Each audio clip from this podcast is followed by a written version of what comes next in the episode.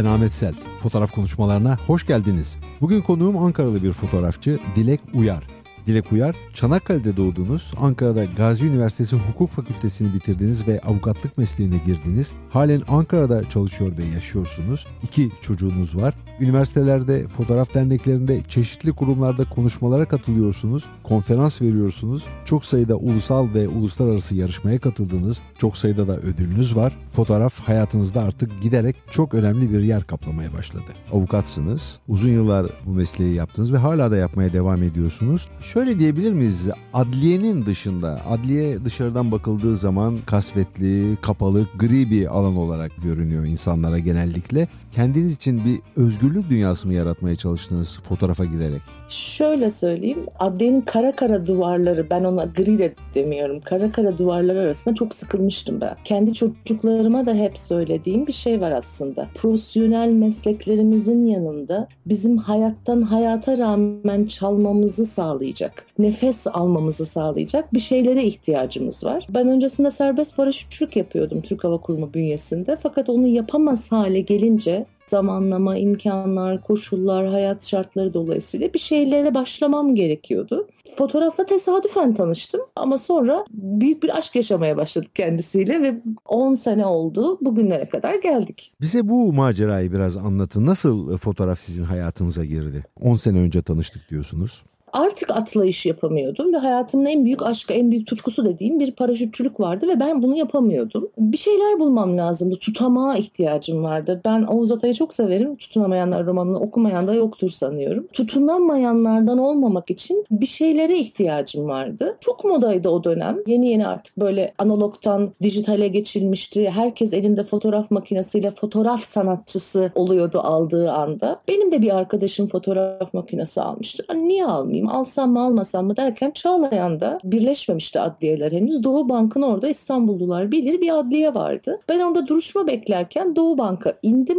makineyi aldım ve dedim ki ben artık fotoğrafçı oldum. Az bilen çok bildiğini zannedermiş. O zamanlar iyi bir makine aldığınız zaman ki o döneme göre iyi bir makineydi elimdeki makine. Nikon D90'dı. Birden iyi fotoğraflar çekeceğimi zannediyordum. Az bilmenin küstahlığı ve cehaleti aslında tüm bunlar. Onun öyle olmadığını olmadığını anladım. Onun öyle olmadığını anlayınca bari makinayı kullanmak için bir kursa gideyim dedim. Çok tesadüflerle çok farklı bir yerden bir eğitim aldım. İyi ki de oradan olmuş diyorum. Şanslı bir kadınım hep bunu söylüyorum. Ve o eğitimden sonra fotoğrafı sevmeye başladım. Ama avukatlık, annelik hep devam ediyordu hayatımda ve onlar ön plandaydı. Ben sadece duruşma için gittiğim şehirlerde uçak ya da otobüs vaktine kadar kalan zamanlarda ya da yılda bir defa fotomaratonlarla fotoğraf çekebiliyordum. Fakat sonrasında tutku ve aşk büyüdükçe mesleği arka plana alıp fotoğrafa daha çok zaman ayırmaya başladım ve yolumuz biraz daha değişti. Şimdi birlikte birbirimizi tanımaya devam ediyoruz. Dilek Hanım yarışmalar sizin fotoğraf hayatınızda, fotoğraf serüveninizde önemli bir yer tutuyor. Çok sayıda yarışmaya katıldınız, çok sayıda ödül kazandınız. Zaten bu ödüllerle de tanınıyorsunuz. E, yarışmalar sizin için bir görünürlülük vesilesi mi? Bir yarışmada, önemli bir yarışmada ödül kazanınca sizden söz ediliyor. İyi, kötü bir sürü şey söyleniyor hakkınızda. Nasıl değerlendiriyorsunuz bunu? Şöyle söyleyeyim. Ben alaylı diye tabir ediyorum kendimi. Gönül isterdi ki bu işin eğitimini almış olayım en başından itibaren. Ama benim fotoğrafa başlangıç sürecim öyle olmadı. O dönem sosyal medya ve Instagram çok gelişmemişti. Fotoğraf sitelerinde fotoğraflarımı hani yükleyip neyim ne değilimi anlamakla önce geçti. Oralardaki yönlendirme yarışmalar çok önemli. Özellikle AFİAP ünvan yarışmaları çok önemli. Buralara girmelisiniz. İşte bir şekilde bunlar sizin yaptığınız işlerin takdiri anlamına geliyor şeklindeydi. Bir de benim mazerete ihtiyacım vardı aslında işte bu ataerkil toplum içerisinde. Sadece uzunca bir süre ilk 5-6 yıl neredeyse ben tamamen fotoğrafa odaklanabildiğim, seçtiğim o yılda bir defa gidebildiğim maratonlardı. Ama benim için yarışmak değildi oralarda maksat. Fotoğrafı bilenlerle beraber ki bir ustam vardı biz hep onunla giderdik kulakları çınlasın Bora Çınar. Onun yanında bir şeyler öğrenmekti. Ama elbette ki onlara da oluyordu. İşte bir sergileme geldiğinde vesaire bir şey olduğunda. Bu süreç içerisinde fotoğrafı ve fotoğraftaki insanları anlamaya çalıştım. Yapmıştım. Afiyap ünvan yarışmaları bana hep anlamsız geldi. Parayla satın alınabilen, kapitalizmin dayatması olan bir işmiş gibi geldi. Fakat bunu almadan eleştirmek de karşı tarafın eline koz verirdi. Hani alamıyor da o yüzden eleştiriyor diye. Bir gün bir maraton için gittiğimiz bir yerde bir olay yaşadık. Afiyap ünvan sanatçısı olan bir fotoğraf sanatçısı birkaç söylemi beni çok rahatsız etti. Ben de onun üzerine bir karar aldım. Eğer görünürlükse eğer bir işi iyi yapmak bu ünvanlardan geçiyorsa ben size bunları alırım. İnanmıyor olsam da dedim. Afiyet ünvan yarışmaları için konuşuyorum. Ve yarışmalara katılmaya başladım. Tamamen bu ünvanı alıp sözünüzü dinletebilmekti. Çünkü sakalınız yoksa hani sözün dinlenmiyor e, durumu olmasın diye. Bunlar belli bir noktaya geldikten sonra zaten inanmıyor olduğum şeylerdi ki bir başvurusunu da yapmadım zaten Afiyap ünvan için. Benim için bir şey ifade etmiyor çünkü uluslararası daha ciddi yerlerde neyiz diye kendimi tartmak istedim. Benim hep yarışım kendimleydi tüm süreç içerisinde. Kendi fotoğrafçılığımı bir üst basamağa çıkartabilmekti ve o dediğiniz 2017 senesinde çok ses getiren yarışma birinciliği geldi. National Geographic yılın seyahat fotoğrafı yarışmasında dünya birinciliği kazandım. Sevgili Erdal Kınacı hocamızdan sonra 2006 senesinde kazanmıştı yanlış hatırlamıyorsam kazanan ikinci Türk fotoğrafçı ve tek Türk kadın fotoğrafçıydım. Çok güzel takdir edenler olduğu gibi eleştirenler de oldu. Hem sistemi hem yarışmayı hem fotoğrafımı. Ben inatçı bir kadın karakter olarak eleştiriliyorsam e, bunları da dinlerim. O zaman bunun bir tesadüf olmadığını göstermem lazım dedim. Ve fotoğrafın bence ciddi olan platformlarında şansımı denemeye devam ettim.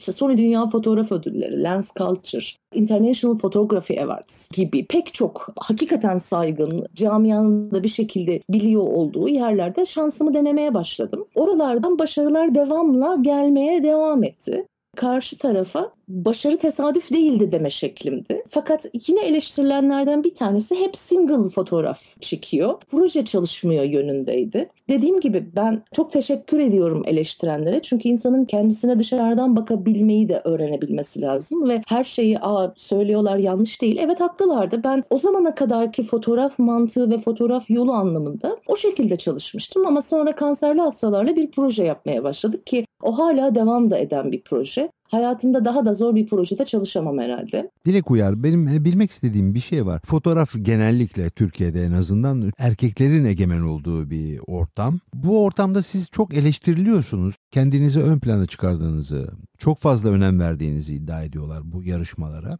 Siz buna nasıl bir yanıt veriyorsunuz?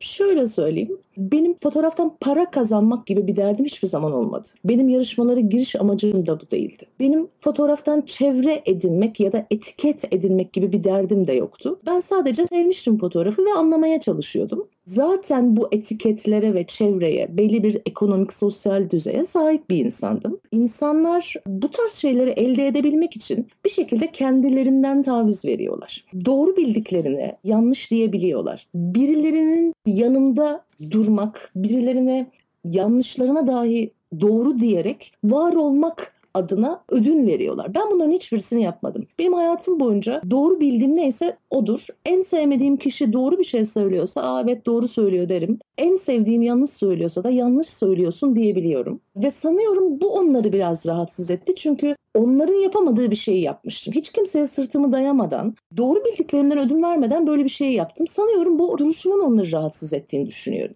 Bir kadın olarak var olmak çok zor ve pek çok zaman bu kadınlarımız da bunu farklı olarak kullanabiliyorlar. Ben onu da yapmamıştım. Benim bir evliliğim de vardı ve e, rayında da giden bir evlilikti. Benim farklı düşüncelerle de camia içerisinde yer edinme gibi bir arzum yoktu. Tüm bunları ben yapmıştım. Sanıyorum en çok ödüllerden ziyade onlar da rahatsız ediyor. Tüm bunlara rağmen başarmış olmak. Ha bu bir başarı mıdır? Bence değil. Ben hep söylüyorum. Esas başarı kişilerin tek başına elde ettikleri iş değildir. Benim esas başarım yaptığım, kazandığım o ödüllerin birilerinin e, cesaretini arttırması, birilerinin önünü açması e, ve benden başkalarının da orada adını duyurmasıyla gerçekleşecek aslında. Esas başarı dediğimiz bu. Benim en azından başarı olarak gördüğüm şey bu. Bunun için uğraşıyorum. Doğru bildiklerimi aktarmaya çalışıyorum. Çünkü süreç içerisinde ben de halen öğrenmeye devam ediyorum ama bize pek çok şeyin doğru diyerek aslında yanlışların anlatıldığını gördüm. Ben bizde pek çok kesimin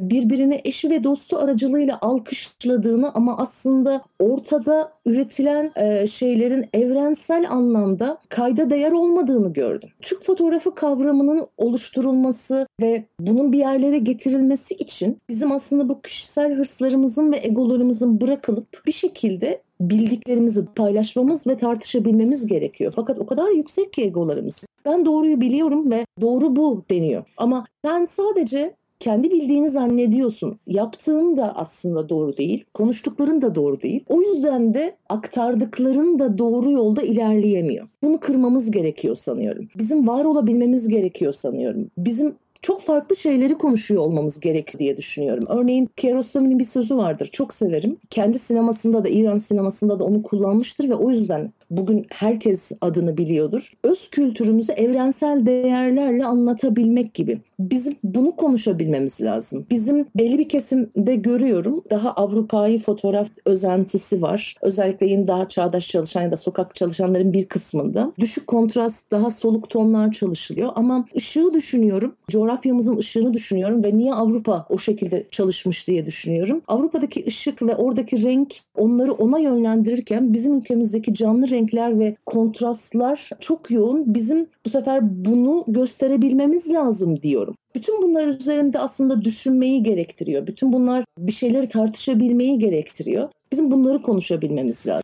Dilek Hanım, Türkiye'ye özgün bir fotoğrafın varlığından söz edebiliyor muyuz? Bence şu an için bundan söz edemiyoruz. Halbuki söz edebilmemiz lazımdı. Hem fotoğraf geçmişimize baktığımızda hem de coğrafyamızın zenginliklerine baktığımızda. Biz hep arayış içerisinde olmuşuz ve büyükçe bir kesim de sadece günü kurtarma peşinde olmuş. Dediğim gibi Doğu Batı fotoğrafı arasındaki farklılıkları uzun süredir incelemeye ve algılamaya çalışıyorum. Bugün Avrupa fotoğrafı düşük kontrast, düşük ışık, daha soluk tonlarken özellikle Asya fotoğrafına baktığınızda oldukça canlı renkler görürsünüz fotoğraflarda bunların coğrafyanın ışıklarıyla, coğrafyanın özellikleriyle alakalı olduğunu düşünüyorum. O yüzden bizdeki bir fotoğrafçının Avrupa mantığında işlemeye yönelmesinin Türk fotoğrafı kavramının da oluşturamayacağını düşünüyorum. Bizim bütün bunları sentezleyip kendi fotoğraf kimliğimizi oluşturabilmemiz lazım. Ama bunun için anlamaya çalışmamız gerekiyor. Biz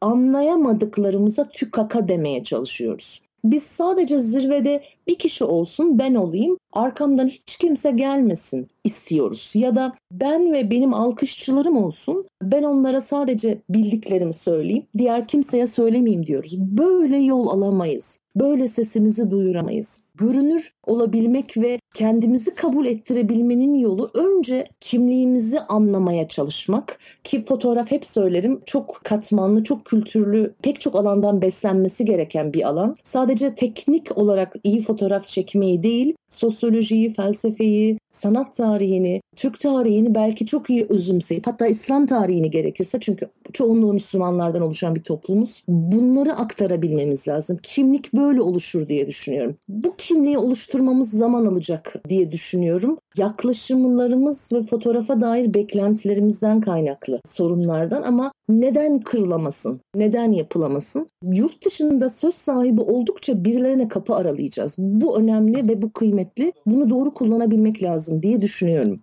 Sizin son dönemlerde özellikle pandemi döneminde yaptığınız seri fotoğraflar önem taşıyor. Kamusal alanlarda çektiğiniz fotoğraflar, metroda, ulaşım araçlarında ve özellikle hastanelerde yaptığınız iş bence önemli. Nasıl hazırlandınız buna? 11 Mart'ta ilk vakanın açıklanması. 11 Mart'ta ki ben hakikaten panik atak bir kadındım hastalık konusunda. 11 Mart'tan itibaren maske ve eldivenle sokaklarda dolaşıyordum. O zamanlar insanlar bana bakıyordu. Bunu özellikle söylüyorum ne kadar korkuyor olduğum ve buna buna rağmen nasıl girdiğim anlaşılsın diye. Panikledim çünkü hep kendimle bir yarışım var. Hani bir önceki seneden daha iyi bir şeyler ortaya çıkartabilmem lazım diye. Evet kanserli hastalarla bir çalışma yürütüyoruz ve devam ediyordu bütün zorluklarına rağmen ama ne yapabilirim evde kaldığımız süre içerisinde dedim. İşte balkonumdan fotoğraflar çekmeye çalıştım. Evde bir şeyler kurgulamaya çalıştım ama bir taraftan içim içimi yiyordu. Çünkü sosyal medya üzerinden haberleri ve fotoğrafları, akışları takip ediyorum. Kimi fotojurnalistler hastanelere girmiş durumdalar ve çekiyor çekiyorlar. Sokaklara çıkmış durumdalar ve çekiyorlar. Hep söylediğim bir söz var. Fotoğrafçı kimliğimle benim tarihi değiştirebilme gibi bir lüksüm yok. Gerçekçi olmak lazım ama benim onu gösterebilme gibi bir lüksüm var. Bu noktada bu beni çok kamçıladı. Hiçbir şey yapamıyorsam girip göstermeliyim. Ne olup ne bittiğini anlatabilmeliyim dedim.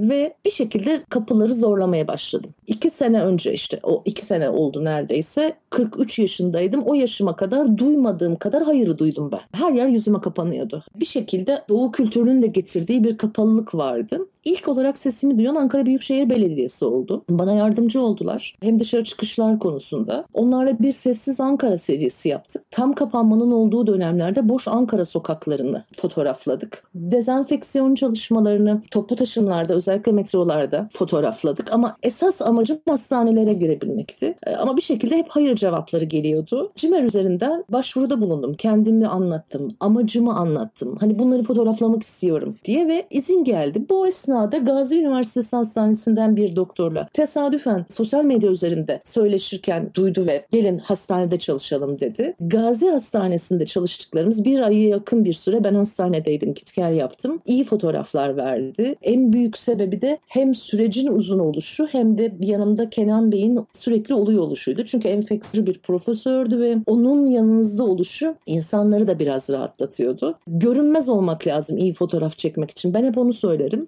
Sokakta görünmez olmak için uzak kalabilirsiniz ya da makineyi saklayabilirsiniz ama hastane gibi bir ortamda bu çok mümkün değil. Orada da görünmezlikliği ben her dakika fotoğraf çekerek yakaladım sanıyorum. Çünkü ilk etapta geriliyorlardı. Hani ister istemez yüz ifadelerine, vücut dillerine yansıyordu bu. Ama sonra hani kadın delidir ne yapsa yeridir'e döndü. Çünkü her şeyimizi çekiyor bu. Hani rahatladılar. Orada çalıştık. Çok sıkıntılıydı ve çok zorluydu benim adıma. Ama göstermem gerekiyordu. Örneğin ilk örnek alınan kareyi çektiğimde Mayıs ayıydı. Sanıyorum 2020'nin Mayıs ayında bugün hepimiz defalarca belki örnek aldırdık. PCR testi yaptırdık ama hiç kimse yaptırmamıştı. Güzel belgeler olarak kaldılar, kalacaklar diye de düşünüyorum. Fotoğrafın aslında gücü hem bugünleri yaşayamayanlara o zaman ne yaşanmışı göstermek hem de o an orada olmayanlara, günümüz içerisinde de o an orada olmayanlara gözü olabilmek ve ne olduğunu gösterebilmek adına o süreçte beni de tatmin eden bir seviye oldu. Çok korkarak girdim. Ee,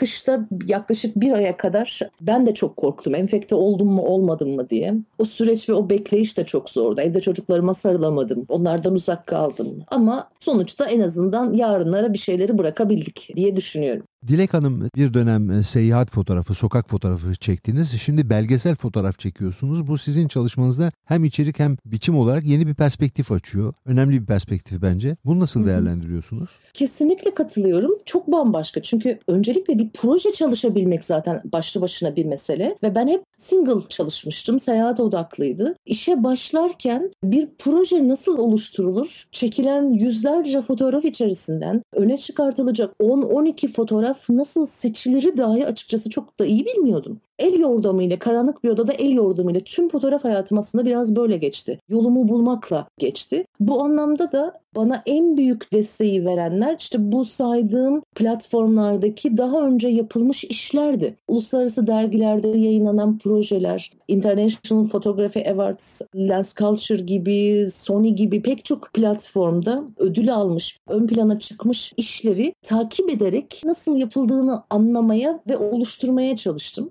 没有谱 öğrenip ona göre aktarmak gerekiyor. Biz zannediyoruz ki bir yerden onlarca fotoğrafı çektiğimizde o çok iyi bir iş olur. Çünkü aslında işte bu sunumlarla da bunlar hep bir şekilde empoze edildi. Ama hayır, mecalinizi anlatabileceğiniz kilit noktalar var. Bir giriş yapıp sonra da çıkartabilmeniz lazım. Aslında öykü gibi. Ben o yüzden fotoğrafı da diğer sanat dallarıyla benzeştiriyorum ve beslenmemiz gerekiyor diyorum. Bir film gibi sizin o projeyi çalışırken sorulara ya açık bırakmanız gerekiyor sonunu ya da cevap verebilmeniz gerekiyor. Ne hangi yönden bakmak istiyorsanız bunları anlamaya başladığımı düşünüyorum. Ben halen seyahat fotoğrafı çekmekten keyif alıyorum. Sokak fotoğrafına ilgi duyuyorum ama sokak fotoğrafıyla ilgili kendi içimde sorguladıklarım var. Bunları sorgulamaya da devam ediyorum. Çekmeye çalışırken ve mantığını anlamaya çalışırken. Bir taraftan da belgeselli seviyorum. Bu işte dediğim gibi hem kanserli hastalarla olan süreç hem de Covid bu anlamda beni tatmin eden ve bana keyif veren işlerdi. Bundan sonra da bir şekilde projeler elbette devam edecek ve yapacağım.